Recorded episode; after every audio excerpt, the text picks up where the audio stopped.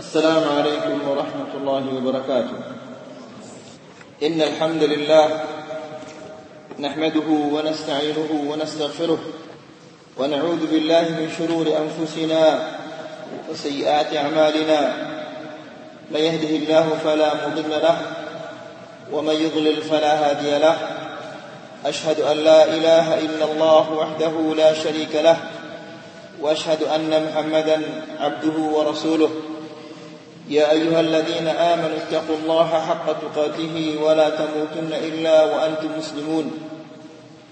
يا أيها الناس اتقوا ربكم الذي خلقكم من نفس واحدة وخلق منها زوجها وبث منهما رجالا كثيرا ونساء واتقوا الله الذي تساءلون به والأرحام إن الله كان عليكم رقيبا. يا أيها الذين آمنوا اتقوا الله وقولوا قولا سديدا يصلح لكم أعمالكم ويغفر لكم ذنوبكم ومن يطع الله ورسوله فقد فاز فوزا عظيما. أما بعد فإن أحسن الكلام كلام الله وخير الهدى هدى محمد صلى الله عليه وسلم وشر الأمور محدثاتها فإن كل محدثة بدعة. وكل بدعة ضلالة وكل ضلالة في النار أخواني وأخواتي Bapak-bapak dan ibu-ibu yang dirahmati Allah Kita senantiasa memuji Allah subhanahu wa ta'ala Yang mempertemukan kita pada malam hari ini Di salah satu rumah Allah subhanahu wa ta'ala Untuk kita mengkaji firman-firman Allah Serta memahami hadis-hadis Rasulullah sallallahu alaihi wasallam Akhwani fi din azzakumullah. Iman adalah sesuatu yang paling berharga bagi setiap muslim. Oleh karena itu iman ini harus dijaga dan terus-menerus harus dijaga. Di antara cara-cara kita menjaga iman ini adalah dengan mempelajari sejarah Rasulullah sallallahu alaihi wasallam dan sejarah para sahabat-sahabatnya. Karena apabila kita mengetahui bagaimana mereka beribadah kepada Allah Subhanahu wa taala bagaimana mereka bertakwa kepada Allah Subhanahu wa taala maka dengan demikian kita berusaha mempraktekkan dan mengamalkan ibadah mereka dan ketakwaan mereka sehingga dengan demikian iman kita bisa meningkat. Kemudian di antara faedah-faedah mempelajari sejarah ini adalah agar kita bisa bersabar menghadapi cobaan-cobaan yang kita alami di dunia ini terutama adalah cobaan-cobaan yang datangnya dari ahli bidah di mana mereka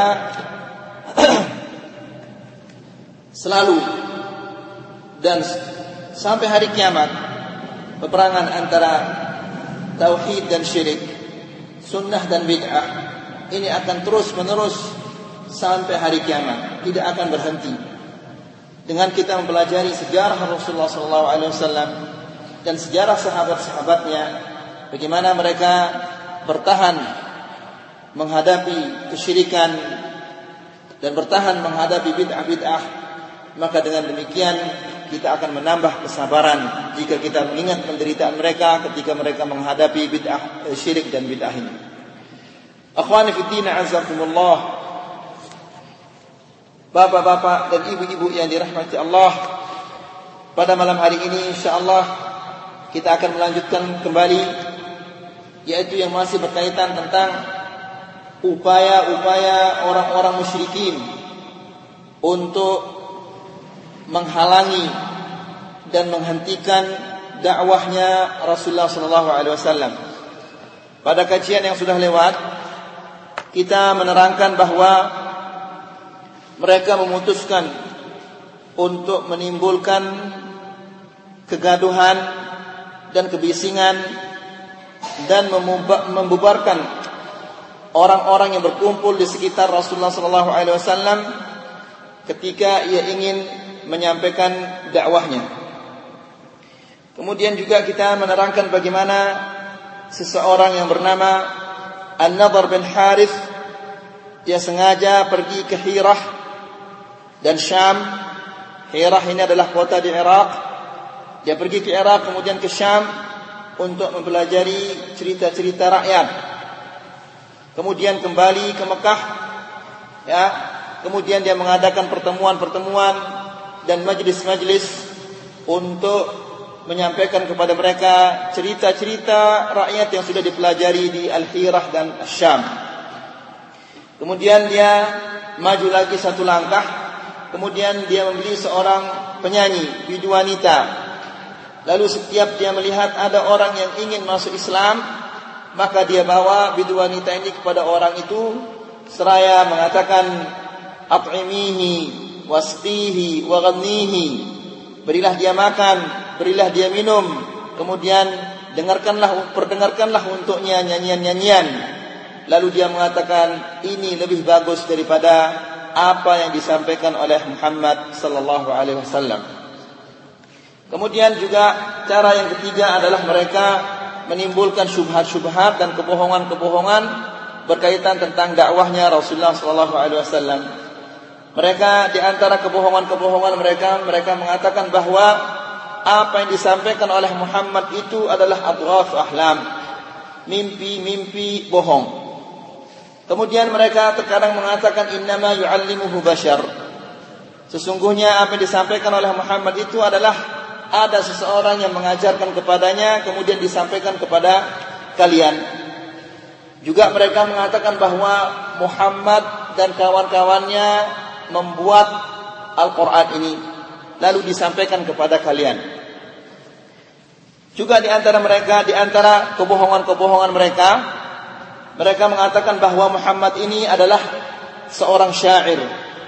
Namun dibantah oleh Allah Subhanahu wa taala bahwa yang namanya yang namanya penyair itu adalah yattabi'uhumul ghawun diikuti oleh orang-orang yang melampaui batas orang-orang yang jahat, orang-orang yang sesat. Kemudian alam tara annahum fi kulli yahimun. Yang namanya penyair-penyair ini adalah mereka suka berkelana dan mengembara di lembah-lembah. Wa annahum yaquluna ma la yaf'alun dan mereka mengatakan apa yang mereka tidak perbuat. Di mana semua sifat yang tiga itu tidak ada pada Muhammad sallallahu alaihi wasallam. Kemudian juga kita menjelaskan bahwa ada tiga permasalahan yang sangat mereka anggap ganjal dan mengganjal hati mereka.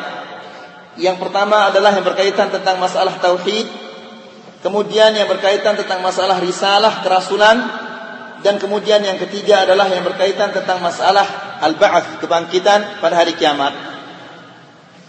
Adapun masalah ba'ats ini mereka menolaknya, mereka mengingkarinya karena mereka menganggap bahwa ini adalah sesuatu yang aneh dan tidak masuk di akal mereka. Kemudian adapun masalah kerisalahan ini, masalah kerasulan ini, mereka mengatakan bahwa rasul itu tidak mungkin dia dari kalangan manusia. Yang namanya rasul itu harus dari kalangan malaikat. Jadi manusia tidak mungkin menjadi rasul karena rasul itu harus dari kalangan malaikat. Kemudian kita menjelaskan bagaimana Allah Subhanahu wa taala membantah syubhat-syubhat mereka ini. Lalu Allah Subhanahu wa taala membantah syubhat ini dengan menurunkan firman-Nya yang ada di dalam surat Al-An'am. Allah berfirman, "Walau ja'alnahu malakan laja'alnahu rajulan."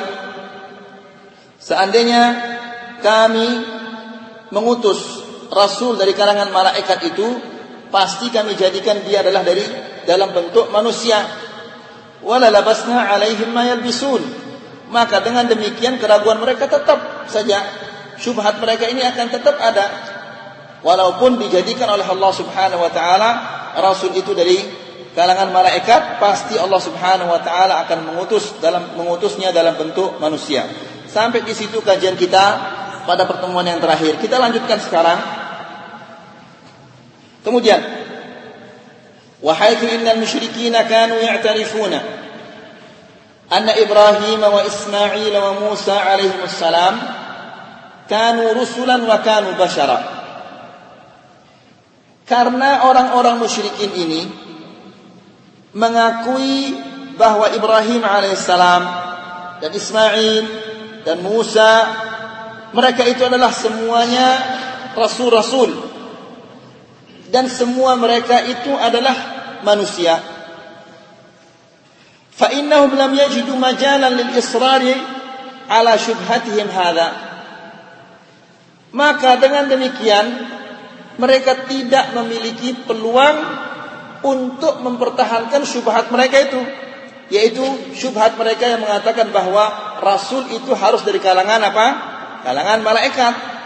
Di sini dijelaskan bahwa Ibrahim, Ismail, Musa alaihissalam mereka itu adalah bashar dan mereka itu semua adalah rasul. Maka mereka tidak bisa mempertahankan syubhat mereka ini. Walakinnahum abdau syubhatan ukhra. Akan tetapi mereka memunculkan menimbulkan syubhat yang lain. Ya, jadi kalau orang tidak mau menerima itu banyak sekali akalnya untuk menolak. Mereka memunculkan syubhat yang lain. Apa kata mereka? qalu alam yajidillahu lihamli risalatihi illa hadzal yatimul miskin apakah Allah itu tidak menemukan seseorang untuk memikul kerasulan ini kecuali orang yang yatim seperti Muhammad ini. Maka Allah liyatrukal uzama al-kibar min ashraf Quraisy wa Thaqif wa yursila hadha. Tidak sepantasnya Allah Subhanahu wa taala meninggalkan pembesar-pembesar dari suku Quraisy dan suku Thaqif lalu ia utus orang seperti Muhammad ini maka Allah Subhanahu wa taala menurunkan firman-Nya laula nuzila hadzal qur'an ala rajulin min al-qaryatayn mengapa Al-Quran ini tidak diturunkan ke salah seorang pembesar dari dua kota terbesar. Dua kota terbesar yang dimaksud adalah Makkah dan Taif. Di Makkah ada suku besar yaitu suku Quraisy. Di Taif ada suku besar yaitu suku Thaqif. Mengapa Allah Subhanahu wa taala tidak menurunkan Al-Qur'an kepada salah seorang pembesar dari kedua suku ini? dari suku Quraisy atau dari suku Saqif lalu dia utus orang miskin yatim seperti Muhammad ini qala ta'ala raddan ala syubhatihim maka Allah Subhanahu wa taala membantah syubhat mereka ini dengan firman-Nya ahum yaqsimuna rahmat rabbik apakah mereka akan membagi rahmat Allah ini yakni anna al-wahya wal Quran wan nubuwwata war risalah rahmatun min Allah. Maksudnya ayat ini adalah bahwa wahyu dan Al-Qur'an dan kenabian dan kerasulan. Itu semuanya adalah rahmah dari Allah Subhanahu wa taala. Wallahu ya'lamu kaifa yaqsimu rahmatah. Dan Allah tahu bagaimana ia membagi rahmatnya. Wa aina yad'uha? Dan di mana ia meletakkan rahmatnya itu? Faman yu'tiha? Dan ia berikan kepada siapa yang ia kehendaki siapa yang diberikan rahmat itu? Waman yahrimha dan siapa yang tidak diberikan rahmat itu? Qala ta'ala Allah Subhanahu wa taala berfirman Allahu a'lamu haitsu yaj'alu risalatah. Allah yang lebih tahu di mana kepada siapa ia letakkan kerasulan itu. Jadi Allah Subhanahu wa taala sudah memilih Muhammad sallallahu alaihi wasallam untuk dijadikan rasul. Jadi Muhammad itu adalah orang pilihan dari Allah Subhanahu wa taala sebagaimana dijelaskan oleh Ibn Abbas. Inna Allah nazara ila qulubil ibad.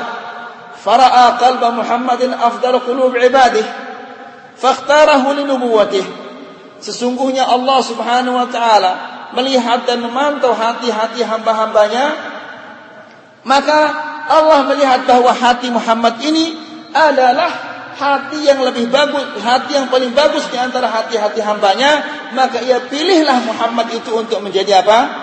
Memikul nabi dan rasulnya. Jadi Muhammad sallallahu alaihi wasallam adalah orang yang dipilih oleh Allah Subhanahu wa taala untuk memikul risalah ini. Maka terbantah syubhat mereka ini.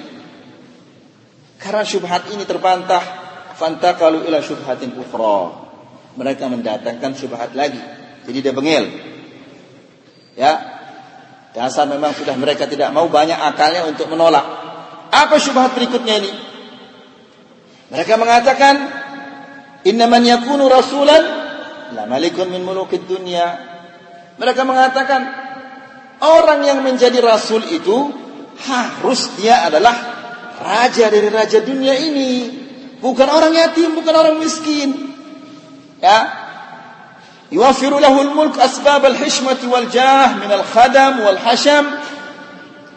Kerajaannya itu mewujudkan untuknya pengikut-pengikut pengiring-pengiring, pelayan-pelayan, wadai'ah dan tanah yang luas, wal mal dan harta, wal ubbahah dan kemegahan wal jalal dan keagungan wa ghairu dhalik.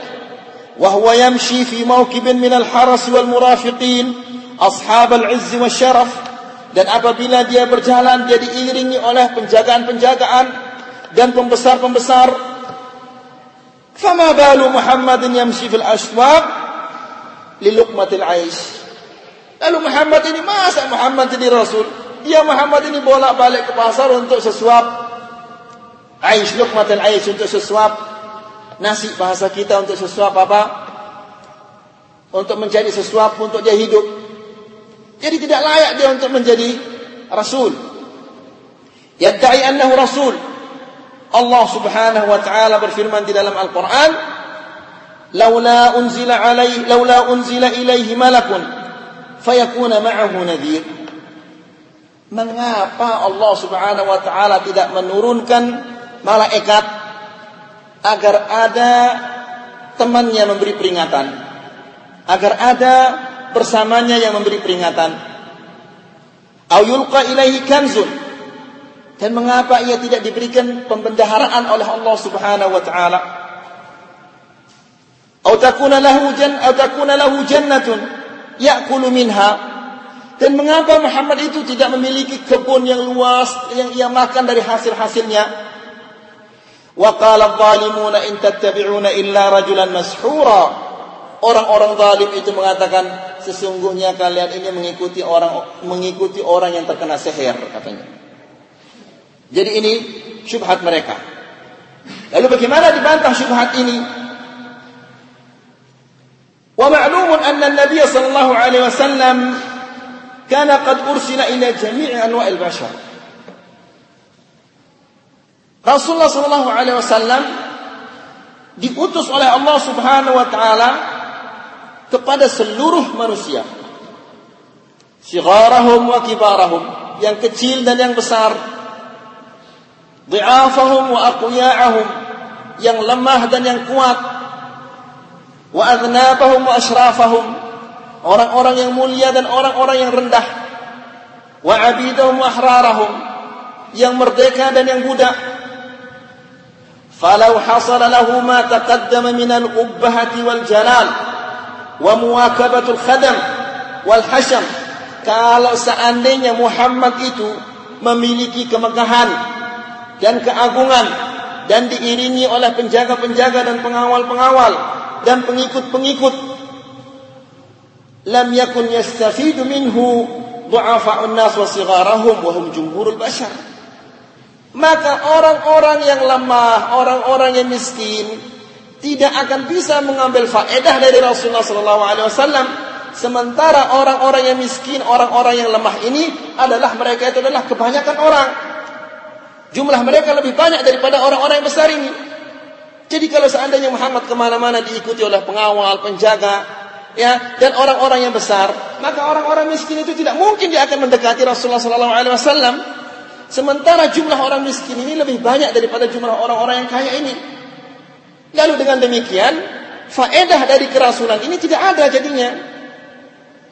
Ya, kalau seandainya dijadikan Nabi itu seorang raja yang memiliki kemegahan, memiliki kemewahan, pembantu-pembantu, pelayan-pelayan, pengiring dan pengawal, maka orang-orang yang miskin ini tidak mungkin dia akan mengambil pelajaran dari Rasulullah Shallallahu Alaihi Wasallam karena mereka karena dia selalu dijaga dan diawasi. Kemudian walam ta'ud laha faidatun tuzkar maka dengan demikian kenabian dan kerasulan ini tidak ada gunanya. Walidhalika ujibal musyrikuna ala talabihim hada bi anna Muhammadan Rasulullah يعني يكفي لدحض شبهته شبهتكم هذه أنه رسول Jadi Allah Subhanahu wa taala membantah mereka bahwa Muhammad itu adalah utusan Allah Subhanahu wa taala. Itu sudah cukup untuk membantah kalian kalian terima atau tidak Muhammad itu adalah utusan Allah Subhanahu wa taala.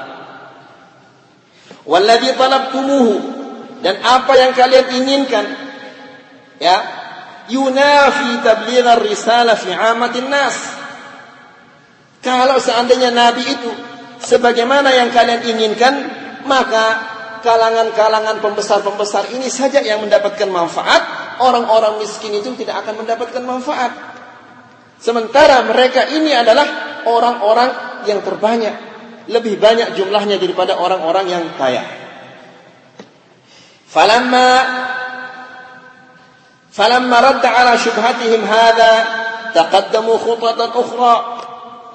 Setelah syubhat mereka ini dibantah, mereka maju satu langkah lagi. Yaitu wa akhadhu yutalibuna bil ayat ta'ji inadan wa ta'jizan. Lalu mereka meminta kepada Muhammad sallallahu alaihi wasallam untuk menunjukkan mukjizah-mukjizahnya, bukan untuk mengikutinya, tapi untuk inadan, untuk melemahkan Rasulullah sallallahu alaihi wasallam. Bukan supaya diikuti, tapi hanya sekedar untuk melemahkan Rasulullah sallallahu alaihi wasallam. Kemudian itu adalah yang kedua, masalah yang kedua.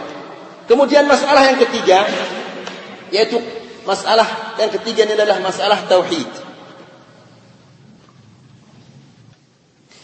Jadi syubhat mereka yang pertama, yang kedua sudah terbantahkan. Syubhat yang ketiga. Amma qadiyatut tauhid, fakanat ra'sul qadaya wa aslul khilaf. Adapun permasalahan tauhid ini, ini adalah puncak permasalahan dan dasar semua perselisihan adalah masalah tauhid ini. Wa kana al-musyrikun yuqirruna bi tauhidillah fi dzatihi wa af'alihi. Orang-orang musyrikin ini mengakui mentauhidkan Allah Subhanahu wa taala dalam sifatnya dan af'al-af'alnya, tauhid rububiyah. Mereka mengakui tauhid rububiyah. Anna Allah huwa al-khaliq alladhi khalaqa as-samawati wal arda wa ma bainahuma. Mereka mengakui bahwa Allah Subhanahu wa taala yang menciptakan langit dan bumi dan apa yang ada di antara kedua-duanya. Wa dan Allah lah yang menciptakan segala-galanya. Wa wal ardi wa ma bainahuma. Dan Allah adalah raja yang di tangannya kerajaan yang ada di langit dan di bumi dan apa yang ada di antara kedua-duanya. Wa malakutu kulli syai' dan kerajaan segala-galanya ada di tangan Allah Subhanahu wa taala. Wa huwa ar-raziqul ladzi yarzuqun nasa wadawab wal an'am dan Allah lah yang memberi rezeki kepada manusia kepada binatang-binatang dan semua yang berjalan di muka bumi ini. Dan Allah memberi rezeki semua yang hidup.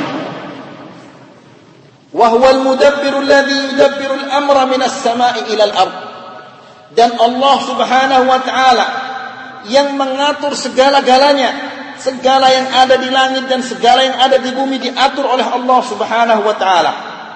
Ini semuanya keyakinan-keyakinan orang-orang musyrikin. Wa yudabbiru amra kulli saghirin wa kabirin hatta. Dan Allah mengatur semua urusan yang kecil maupun yang besar sehingga urusan zarrah dan namlah diatur oleh Allah. Semut-semut ini semua diatur urusannya oleh Allah Subhanahu wa taala. Wa huwa rabbus samawati wal ardi wa ma bainahuma wa rabbul arsyil azim. Dan Allah lah rabbus samawat dan wa rabbul ard ma bainahuma wa rabbul arsyil azim. Allah pemilik langit dan bumi dan pemilik arsy yang maha agung. Wa rabbu kulli syai' wal syajara wad dawab wal jinna wal insa wal malaikah. Allah menundukkan matahari dan bulan dan bintang dan gunung-gunung dan pohon-pohon dan binatang-binatang dan jin dan manusia dan malaikat semua itu tunduk kepada Allah Subhanahu wa taala. Kullun lahu khadi'un. Semuanya tunduk kepada Allah Subhanahu wa taala. Yujiru man yasha ala man yasha. Allah melindungi orang yang dikehendaki dari yang dikehendaki. Melindungi fulan dari fulan. Wala yujaru alaihi abada dan tidak ada seseorang, tidak ada makhluk yang mampu melindungi seseorang dari Allah Subhanahu wa taala. Yuhyi wa yumit. Allah Subhanahu wa taala yang menghidupkan, Allah Subhanahu wa taala yang mematikan. Wa yaf'alu ma yasha. Dan Allah yang melakukan apa yang Dia kehendaki. Wa yahkumu ma yurid dan Allah menghukum dan memutuskan sebagaimana Ia kehendaki. La mu'aqqiba li hukmih tidak ada yang menyalahi hukuman tidak ada yang menyalahkan apa yang dihukum oleh Allah Subhanahu wa taala wala radda liqada'ih tidak ada yang menolak keputusan-keputusan Allah Subhanahu wa taala ini semuanya keyakinan-keyakinan orang-orang musyrikin sama seperti keyakinan kebanyakan kaum muslimin di saat ini wahum ba'da hadha al-iqrar as-sarih لتوحيد الله تعالى في ذاته وأفعاله وصفاته Walaupun mereka mengakui tauhid, mentauhidkan Allah di dalam af'alnya, perbuatannya dan di dalam sifatnya, ya. Jadi mereka itu bertauhid tauhid rububiyah. Walaupun mereka bertauhid tauhid rububiyah tidak cukup, harus disertai dengan tauhid uluhiyah juga. Kanu yaqulun mereka ini berkeyakinan أن الله تعالى أعطى بعض عباده المقربين كالأنبياء والمرسلين والأولياء والصالحين mereka berkeyakinan bahwa Allah Subhanahu wa taala memberikan beberapa hambanya seperti para nabi dan para rasul dan para wali dan orang-orang saleh syai'an min at-tasarruf fi ba'd umuril kaun yaitu mereka-mereka ini diberikan beberapa urusan untuk mengatur alam semesta ini. Persis sama keyakinan-keyakinan kaum muslimin sekarang. Mereka mengatakan orang tasawuf tarekat mengatakan bahwa ada wali namanya wali kutub yang dapat mengatur alam semesta ini. Ya, sama seperti keyakinan-keyakinan orang-orang jahiliyah. Fahum yatasarrafuna fihi biiznih. Jadi mereka-mereka ini, para nabi, wali dan rasulnya ini, mereka mengatur alam semesta ini dengan izin dari Allah Subhanahu wa taala. Jadi mereka ini diizinkan oleh Allah untuk mengatur alam semesta ini. Seperti apa? Hibatul aulad, memberikan anak. Ya, jadi mereka yang mengaturnya. Para nabi dan wali dan orang-orang saleh ini.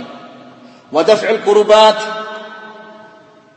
dan menjauhkan kesedihan-kesedihan dan kesusahan-kesusahan wa qada' al-hawaij dan memenuhi permintaan-permintaan wa syifa'ul marda dan menyembuhkan penyakit-penyakit wa amsalu dzalik dan yang lain-lainnya. Kalau ini semuanya ditangani oleh para rasul dan nabi dan para wali dan orang-orang saleh, lalu apa yang ditangani oleh Allah? Habis semua sama mereka. Ya. Wa anna Allah innama a'tahum dzalika liqurbihim min Allah. Dan mereka meyakini bahwa Allah Subhanahu wa taala memberikan mereka kemampuan itu karena kedekatan mereka kepada Allah Subhanahu wa taala. Walijahihim indallah dan karena kedudukan mereka di sisi Allah Subhanahu wa taala. Fahum li ajli anna Allah manahum hadha at-tasarruf wa hadha al-khiyar yaqduna ba'd hajat al-ibad an tariq al-ghaib. Jadi, karena Allah Subhanahu wa taala memberikan mereka kemampuan yang seperti itu, maka mereka memenuhi permintaan-permintaan siapa saja yang mereka kehendaki lewat lewat dengan cara apa? Al-ghaib. Jadi Allah Subhanahu wa taala sudah mengizinkan mereka untuk mengatur alam semesta ini. Jadi mereka yang memenuhi permintaan-permintaan siapa saja yang mereka kehendaki. Antari ghaib artinya walaupun mereka tidak ada mereka sudah mati.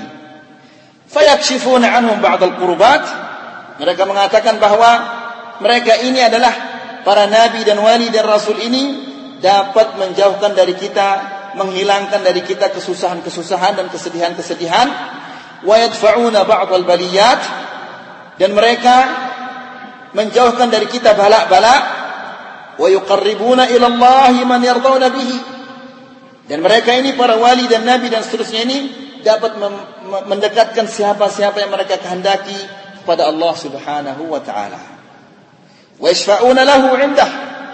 Dan mereka memintakan orang-orang syafaah di sisi Allah Subhanahu wa taala. Persis seperti keyakinan orang kebanyakan kaum muslimin di saat ini.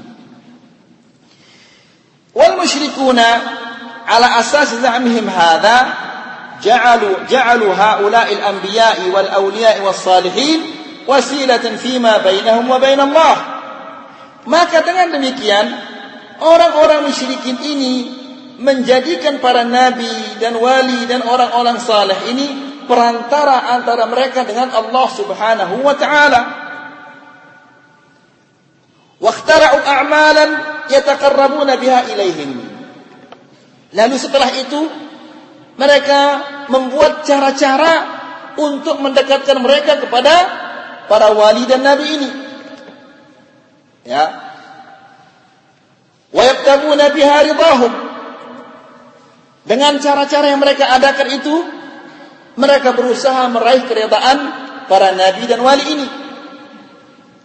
Fakanu ya'tuna bi tilka al-amal, thumma yatadarra'una ilaihim mereka lakukan perbuatan-perbuatan yang mereka ada-adakan itu, kemudian yatadarrauna ilaihim, merendah diri kepada mereka. Wa yashfa' wa yad'unahum liqada'i hawaijihim. Dan kadang-kadang mereka disuruh dipanggil untuk memenuhi permintaan-permintaan mereka. Wa yastaghithuna bihim fi syada'idihim. Dan mereka meminta pertolongan kepada para nabi dan wali atau orang-orang saleh ketika mereka mendapatkan kesulitan-kesulitan wa yasta'iduna bihim fima khawifihim dan mereka meminta perlindungan ketika mereka dalam keadaan takut. Kemudian akhwani fi din.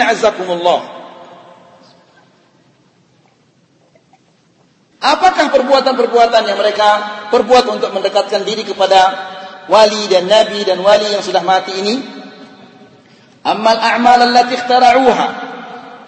Adapun perbuatan-perbuatan yang mereka ada-adakan litaqarrubi ilaihim untuk mendekatkan mereka kepada nabi, rasul dan wali-wali ini fahiya annahum khassasu li haula'il anbiya aw al-awliya aw as-salihin amakin wa banaw lahum fiha al-buyut.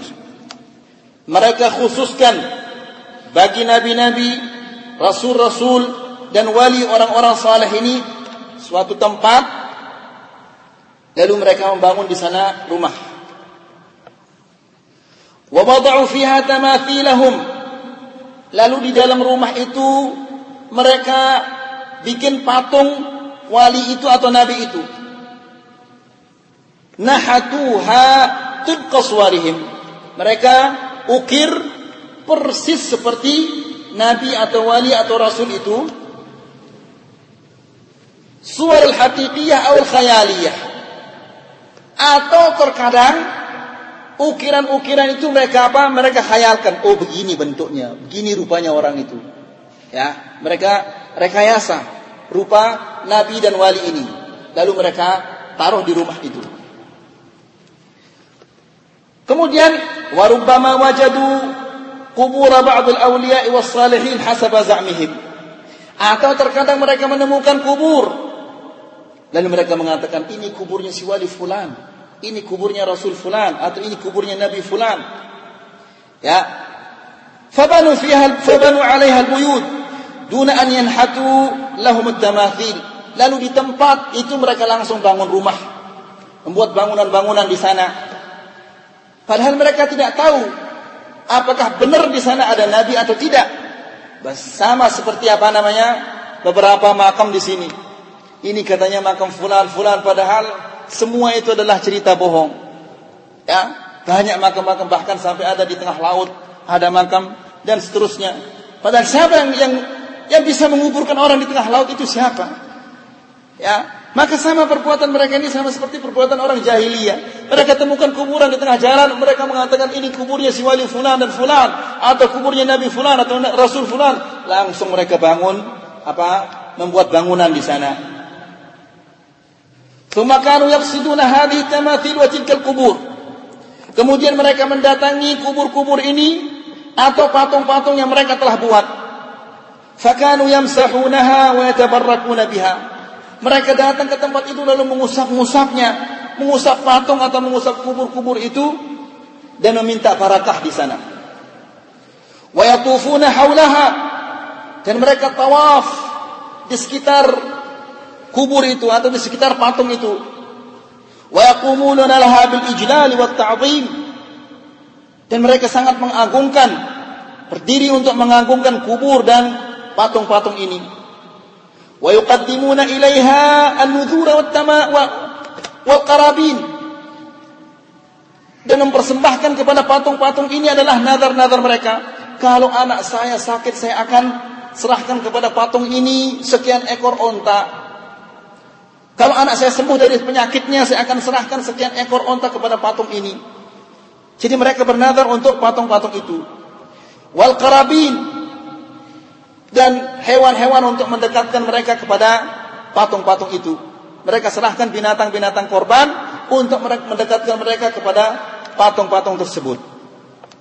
Liyataqarrabu biha ilaihim wa biha fadlahum untuk mendekatkan mereka kepada patung-patung itu atau isi kubur itu yang sudah mati.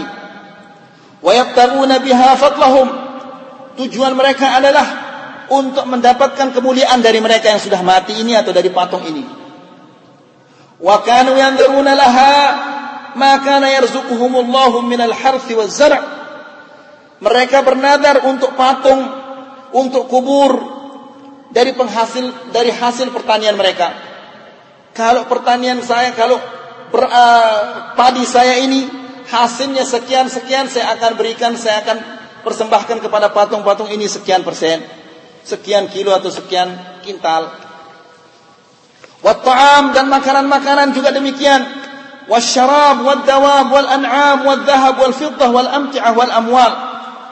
Mereka juga bernadar untuk patung-patung ini dengan makanan-makanan, minuman, kemudian binatang-binatang dan binatang ternak dan emas, perak dan peralatan-peralatan wal amwal dan uang-uang.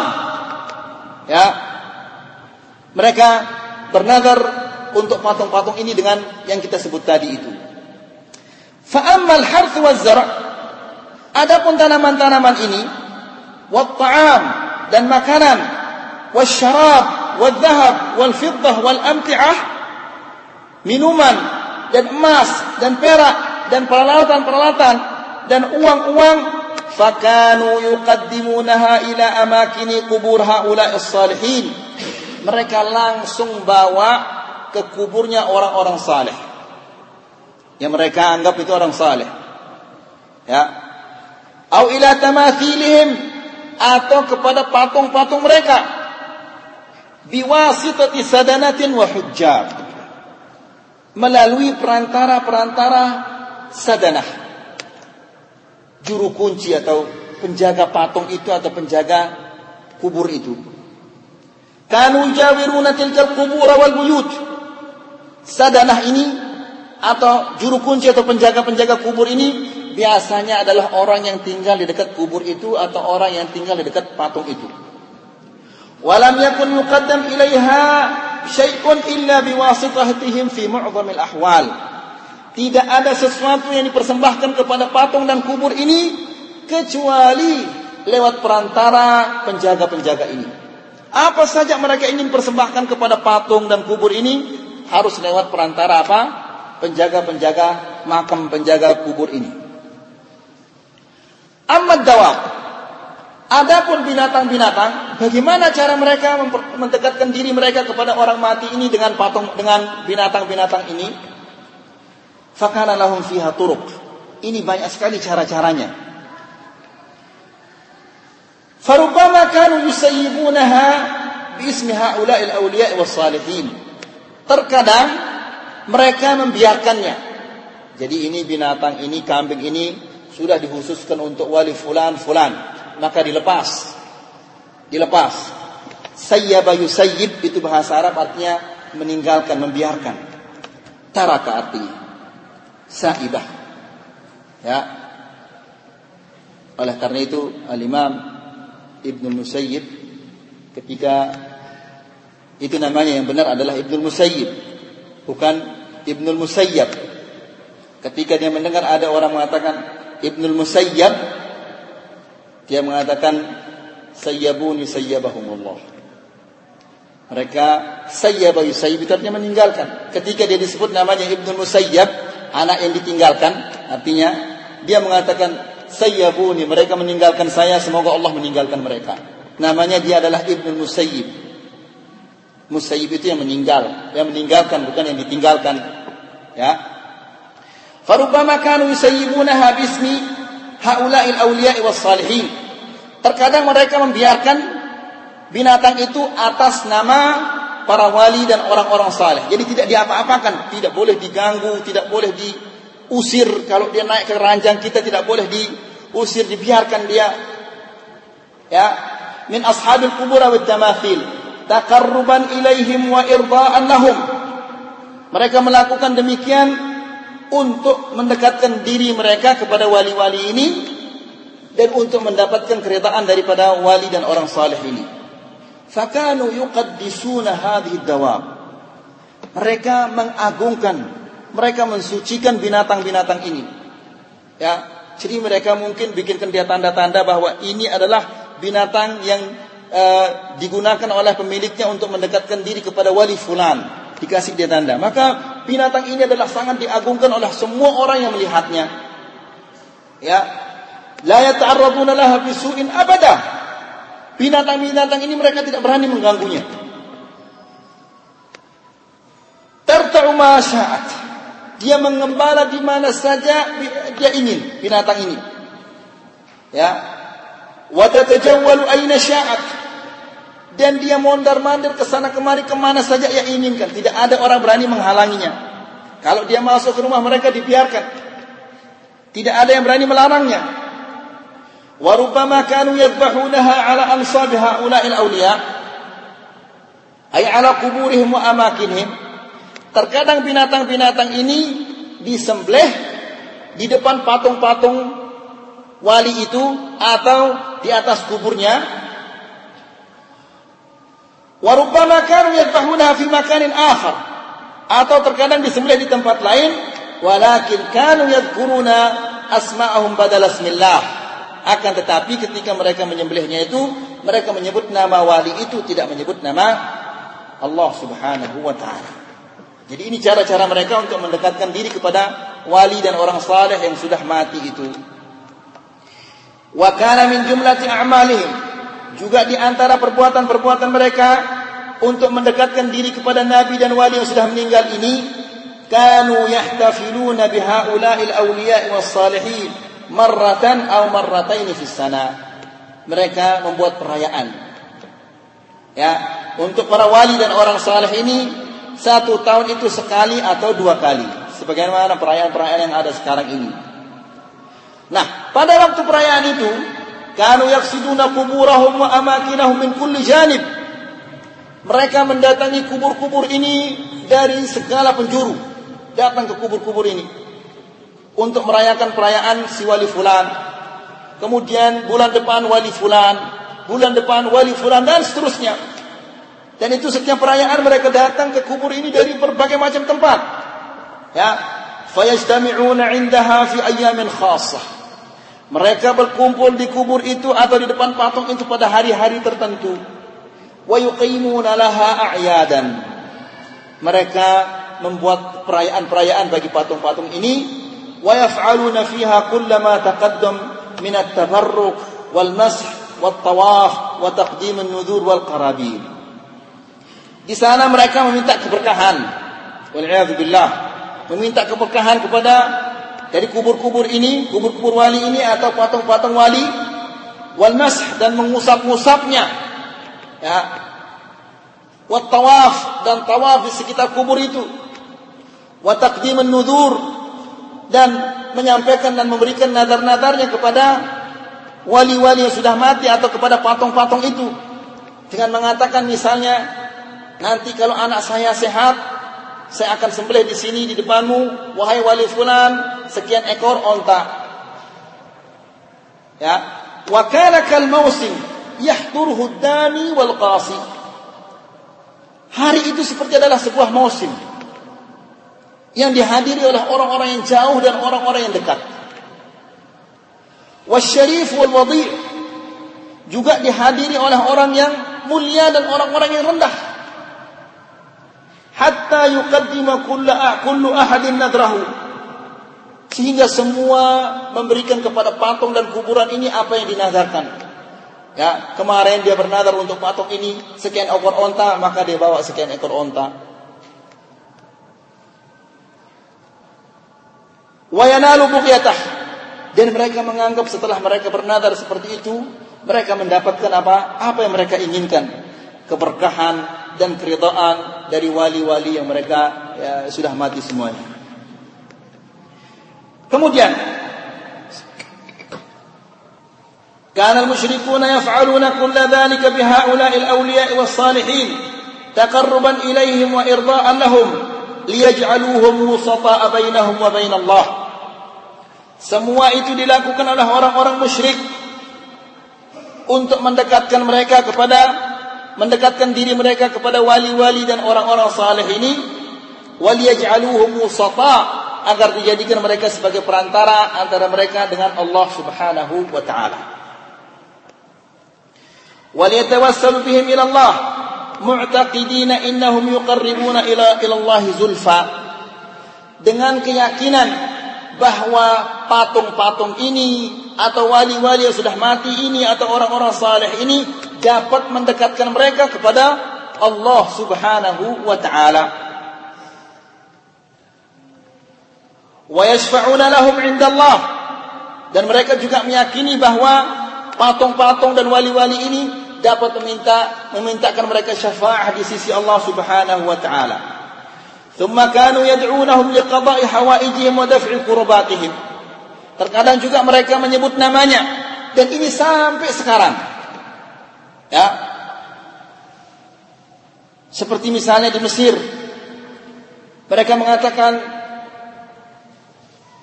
sebelum mereka masuk ke kuburnya Al-Badawi padahal ini adalah sufi dal. Mereka mengatakan ya Badawi ana fi ardak. Wahai Badawi aku ini berada di bawah perlindunganmu lindungilah aku. Atau mereka mengatakan ya Badawi ana fi hasbik. Saya di bawah naunganmu dan ucapan-ucapan yang seperti ini yang semuanya itu adalah mengandung kesyirikan kepada Allah Subhanahu wa taala. Dan mereka tawaf di kuburnya. Dan apa yang mereka apa yang dilakukan oleh orang-orang musyrikin ini sama juga sama seperti yang dilakukan di kuburnya Al-Badawi itu sampai sekarang. Wal billah. ثم كانوا يدعونهم لقضاء حوائجهم ودفع كرباتهم dan terkadang mereka menyebut nama mereka memanggil nama mereka nama-nama wali yang sudah mati atau nama-nama patung ini untuk menjauhkan dari mereka kesusahan-kesusahan dan kesulitan-kesulitan mu'taqidina annahum yasma'una lima qalu karena mereka meyakini bahwa patung-patung ini dan orang-orang sudah mati ini dapat mendengarkan apa yang mereka seru, apa yang mereka panggil itu. Wa yastajibuna lima du'u wa tuliba minhum. Dan mereka dapat memenuhi panggilan-panggilan mereka dan dapat memenuhi permintaan-permintaan mereka. Fayaqduna hawaijahum wa yakshifuna kurubatihim. Dengan demikian para wali dan orang-orang saleh ini dapat menjauhkan dari mereka kesusahan-kesusahan dan kesulitan-kesulitan imma bi anfusihim atau bi syafa'atihim lidzalika indallah baik secara langsung atau kadang-kadang wali ini minta kepada Allah, lalu Allah menjawabkan dari mereka kesulitan-kesulitan mereka. Demikian keyakinan-keyakinan orang-orang musyrikin di saat itu. Ya. Falamma qama Rasul sallallahu alaihi wasallam bid-da'wati ila tauhidillah. Ketika Rasulullah sallallahu alaihi wasallam mengajak mereka untuk mentauhidkan Allah Subhanahu wa taala, wa khal'i ilahan min dunillah dan meninggalkan semua patung-patung semua berhala-berhala yang mereka jadikan Tuhan selain Allah Subhanahu wa taala syakka dzalika 'alal musyrikin. Ini mereka merasakan bahwa sesuatu yang sangat berat ini kita tinggalkan Tuhan-Tuhan ini. Wa dan mereka menganggapnya ini adalah perkara yang sangat besar. Wa ankaruhu mereka mengingkarinya. Wa qalu dan mereka mengatakan innaha mu'amaratun urida urida biha ghair ma yuqal. Mereka mengatakan Sesungguhnya ini adalah sebuah makar yang dibuat oleh Muhammad dan kawan-kawannya. Tujuannya adalah agar kalian meninggalkan patung-patung sesembahan-sesembahan kalian ini. Itu tujuannya Muhammad. Ya, supaya kalian meninggalkan berhenti menyembah sesembahan-sesembahan kalian ini. Oleh karena itu, Allah Subhanahu wa taala berfirman di dalam Al-Qur'an, "Aja'ala al-alihata ilahan wahida? Inna hadza la syai'un ujab." Apakah Muhammad ini akan menjadikan tuhan-tuhan yang banyak ini Tuhan satu saja? Dia merintahkan kita untuk menyembah Tuhan yang satu saja? Inna hadza la syai'un ujab. Sesungguhnya ini adalah sesuatu yang aneh. Wa antalaqal mala'u minhum an imshu wasbiru ala alihatikum inna hadza la syai'un yurad. Wantalaqal mala'u. Dan pembesar-pembesar mereka pergi. Seraya berkata, Animshu wasfiru ala alihatikum. Tetaplah kalian menyembah sesembahan-sesembahan kalian. Inna hadza la syai'un yurad. Sesungguhnya inilah yang diinginkan oleh Allah. Yaitu menyembah patung-patung ini maksudnya. Itulah yang sebenarnya yang diinginkan oleh Allah. Bukan yang diinginkan oleh Muhammad. Muhammad menginginkan agar kita menyembah Tuhan yang satu saja, sementara Allah menginginkan kita menyembah Tuhan-Tuhan yang banyak. Begitu kata mereka. Inna hadza la syai'un yurad. Sesungguhnya inilah yang diinginkan oleh Allah. Kemudian mereka mengatakan, "Ma sami'na bihadza fil millatil akhirah in hadza illa ikhtilaq." Kami tidak pernah mendengar dakwah seperti ini, ucapan seperti ini fil millatil akhirah di agama-agama yang terakhir yaitu yang dimaksud adalah agama Nasrani. Tidak pernah kami dengar di agama-agama Nasrani ini yang mengajak kita untuk menyembah Tuhan yang satu saja. In hadza illa iftiraq. Sesungguhnya Muhammad ini mengada-ada, membuat-buat itu Muhammad itu tidak benar itu. Demikian kata mereka. ثم لما تقدمت الدعوة وقرر المشركون الدفاع عن شركهم kemudian ketika dakwahnya Rasulullah ini semakin maju dan mereka memutuskan sepakat untuk melindungi dakwah melindungi kesyirikan mereka wadkhul fi niqash wal jidal wa munadarat muslimin dan mereka memutuskan untuk apa? Jidal, berdiskusi dan berdebat dengan orang-orang orang-orang muslimin ini. Tujuannya adalah untuk menghentikan dakwahnya Rasulullah sallallahu alaihi wasallam. Ya. Uqimat alaihimul hujjah min iddati jawani. Hujjah itu ditegakkan kepada mereka dari berbagai macam sisi. Faqila lahum dikatakan kepada mereka sama orang-orang muslimin ini mengatakan kepada mereka min aina alimtum anna Allah a'ta ibadahu al-muqarrabin at-tasarruf fil kaun dari mana kalian mengetahui bahwa Allah Subhanahu wa taala memberikan para wali, orang saleh, para nabi ini wewenang untuk mengatur alam semesta ini. وأنهم يقدرون على ما تزعمون من قضاء الحوائج وكشف الكربات dan dari mana kalian mengetahui bahwa mereka itu memiliki kemampuan untuk mencegah dari kalian kesusahan-kesusahan dan kesulitan-kesulitan. Halid tala'tum 'alal ghaib? Apakah kalian pernah melihat yang gaib? Apakah kalian mengetahui yang gaib? Aw wajadtum dhalika fi kitabin warithumuhu min al-anbiya'? ataukah kalian temukan dalam satu kitab yang kalian warisi dari nabi-nabi yang terdahulu? Ya keyakinan yang seperti itu. Apakah kalian temukan dalam satu kitab yang kalian warisi dari nabi-nabi terdahulu? Qala ta'ala. Allah Subhanahu wa taala berfirman di dalam Al-Qur'an am indahumul ghaib fahum yaktubun. Apakah mereka itu mengetahui yang gaib ataukah mereka dapat menulis tertulis dari nabi-nabi yang terdahulu. Mereka warisi. Wa qala ta'ala dan Allah Subhanahu wa taala berfirman di dalam Al-Qur'an i'tuni bi kitabin min qabli hadha. Bawakanlah kepadaku bi kitabin min qabli hadha. Bawakanlah kepadaku sebuah kitab min qabli hadha yang turun sebelum Al-Qur'an au atharatin min ilmin. Atau ilmu peninggalan-peninggalan orang-orang yang dahulu. In kuntum sadiqin jika kalian benar. Maksudnya adalah tentang akidah mereka itu. Ya tunjukkan bawakan kepada saya kitab yang turun sebelum Al-Qur'an. Yang tertulis di dalamnya keyakinan kalian keyakinan-keyakinan kalian ini. Wa qala ta'ala dan Allah Subhanahu wa taala berfirman juga di dalam Al-Qur'an, "Qul hal 'indakum min 'ilmin fatukhrijuhu lana?"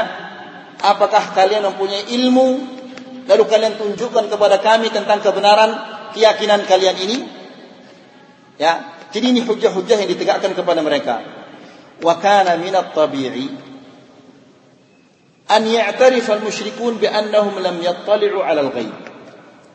Lalu secara normal mereka mengakui bahwa mereka tidak mengetahui yang gaib.